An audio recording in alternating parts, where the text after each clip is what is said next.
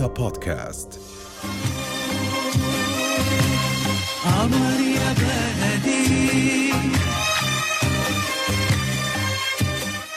أهلا وسهلا بكم مجددا. نرحب بضيفتنا على الأردن الإعلامية وصانعة المحتوى اللبنانية لانا مدور. أهلا وسهلا فيكي لانا. صباح الخير. صباح النور. شرفتينا. ونورتينا بحلوه يا دنيا. الناس كثير بتعرفك الآن يعني انتشارك أصبح واسع كثير بالسنوات الأخيرة من خلال آه، نشاطك على ال social media بس أيضا في لك آه، عمل سنوات طويلة من العمل بمجال ال- الإعلام السياسي ال- الإعلام السياسي أقصد الإعلام الاقتصادي الثقافي الفن. يعني آه، بصمتك كثير كبيرة بمجال الإعلام. إذا بتسمحي لي أحكي هيك سريعا للي ما بيعرف لانا مدور.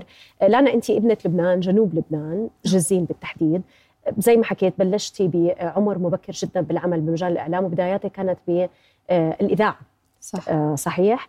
اشتهرتي جدا بقناة الميادين مذيعة آه، أخبار رئيسية ومقدمة برامج.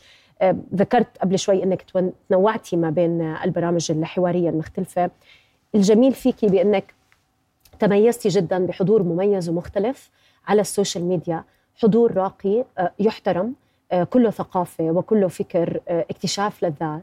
فكنت هيك زي آه، نافذة لكثير من الناس إنهم آه، يجدوا أنفسهم ويحققوا أحلامهم آه، ب آه، ب- يعني بطرق جدا مختلفة.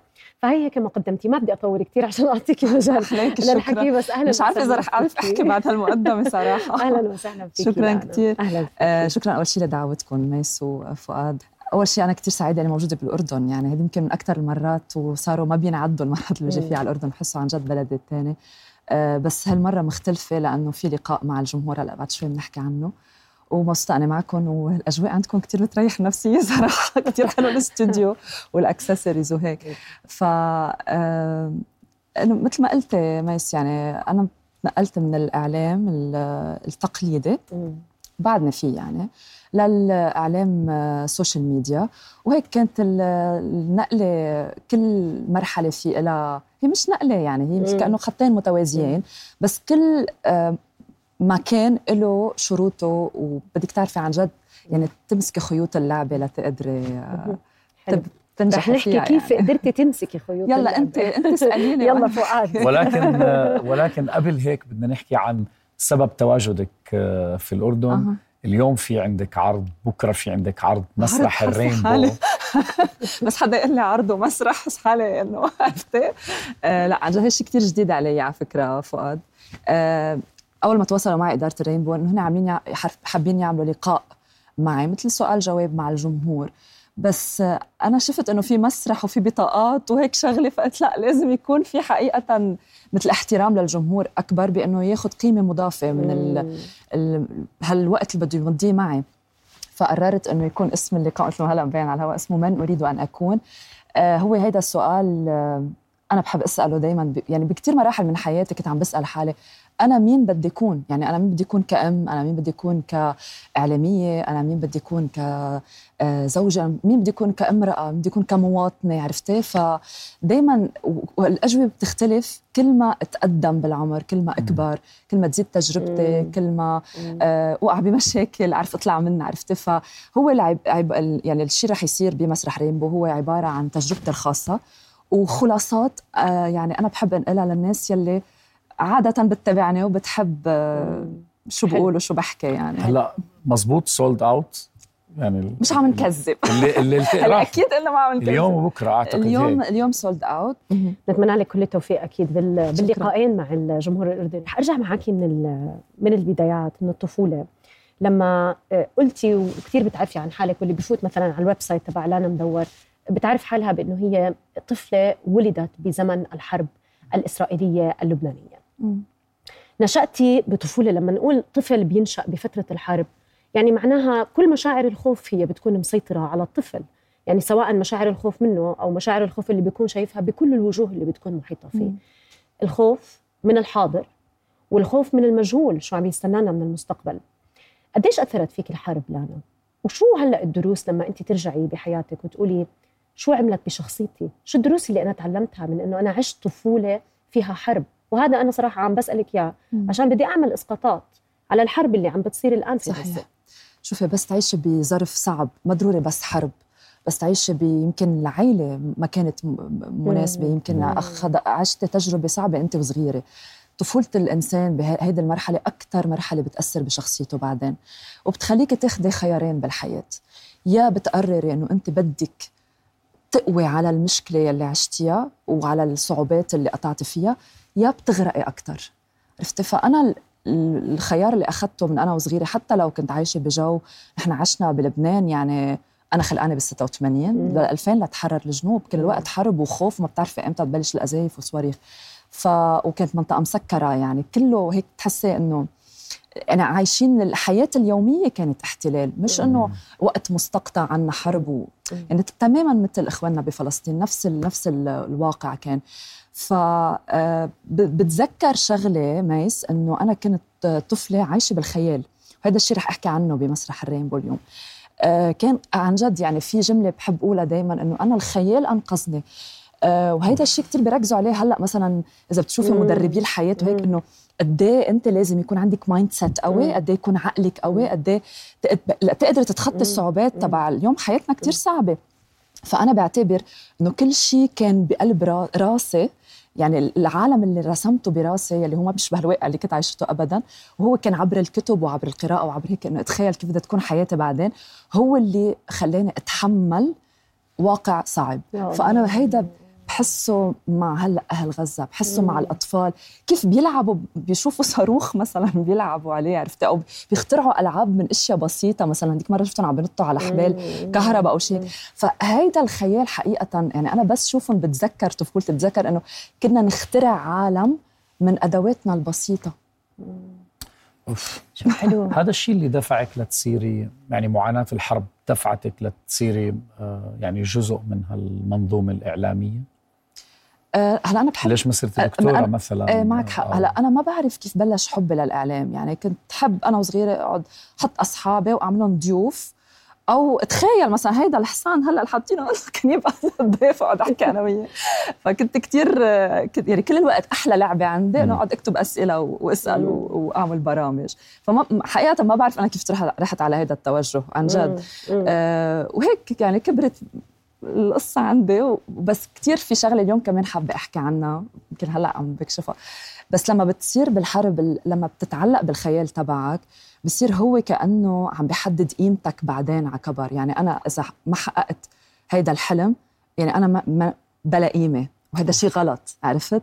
فهذا اللي اكتشفته بعدين لما كبرت إنه لا مش إنه إذا أنا نجحت كإعلامية أو ما نجحت ما بي هذا مش ما بحدد ال worth تبعي. قد إيه أنا إنسانة مهمة أو مش مهمة بنظر حالي يعني مش بنظر الناس. يعني لانا انت بتشوفي إنه قيمتك مش بمهنتك.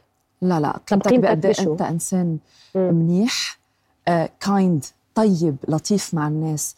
قد إيه أنت إنسان معطاء قد أنت عندك energy حلوة. آه، قد إيه ما بتأذي هيدي قيمة الإنسان الحقيقية مم. محبته يعني هاي المحبة اللي بتخرج من قلبه من جوا مش إنه هيدي اللي بيعملها لمصلحة يعني. هيدي القيمة الحقيقية لكل فرد فينا حلو. بالحياة طيب رح أسألك عن واحد من أوائل البرامج اللي قدمتيها على شاشه الميادين اللي كان يحمل اسم آه، خلف الجدار. وكان بدور حول القضية الفلسطينية أنا بشعر بانه القضية الفلسطينية هي حاضرة بوجدان آه، لانا مدور نعم. وهذا مش إشي جديد يعني مش من الأربع اشهر أو الخمس اشهر الماضية منذ الحرب ولكن دائما أنت القضية الفلسطينية حاضرة عندك ولما رجعت وطلعت قلت مقدمة برنامج اسمه خلف الجدار مم. بيحكي عن القضية الفلسطينية شو بتحبي تعلقي على هذا الموضوع آه، أول برنامج قدمته أنا مع مع الميادين منذ مم. نشأتها يعني فأول برنامج قدمته خلف الجدار هو يعنى تحديدا بالشأن الإسرائيلي الإسرائيلي وفلسطيني الداخل.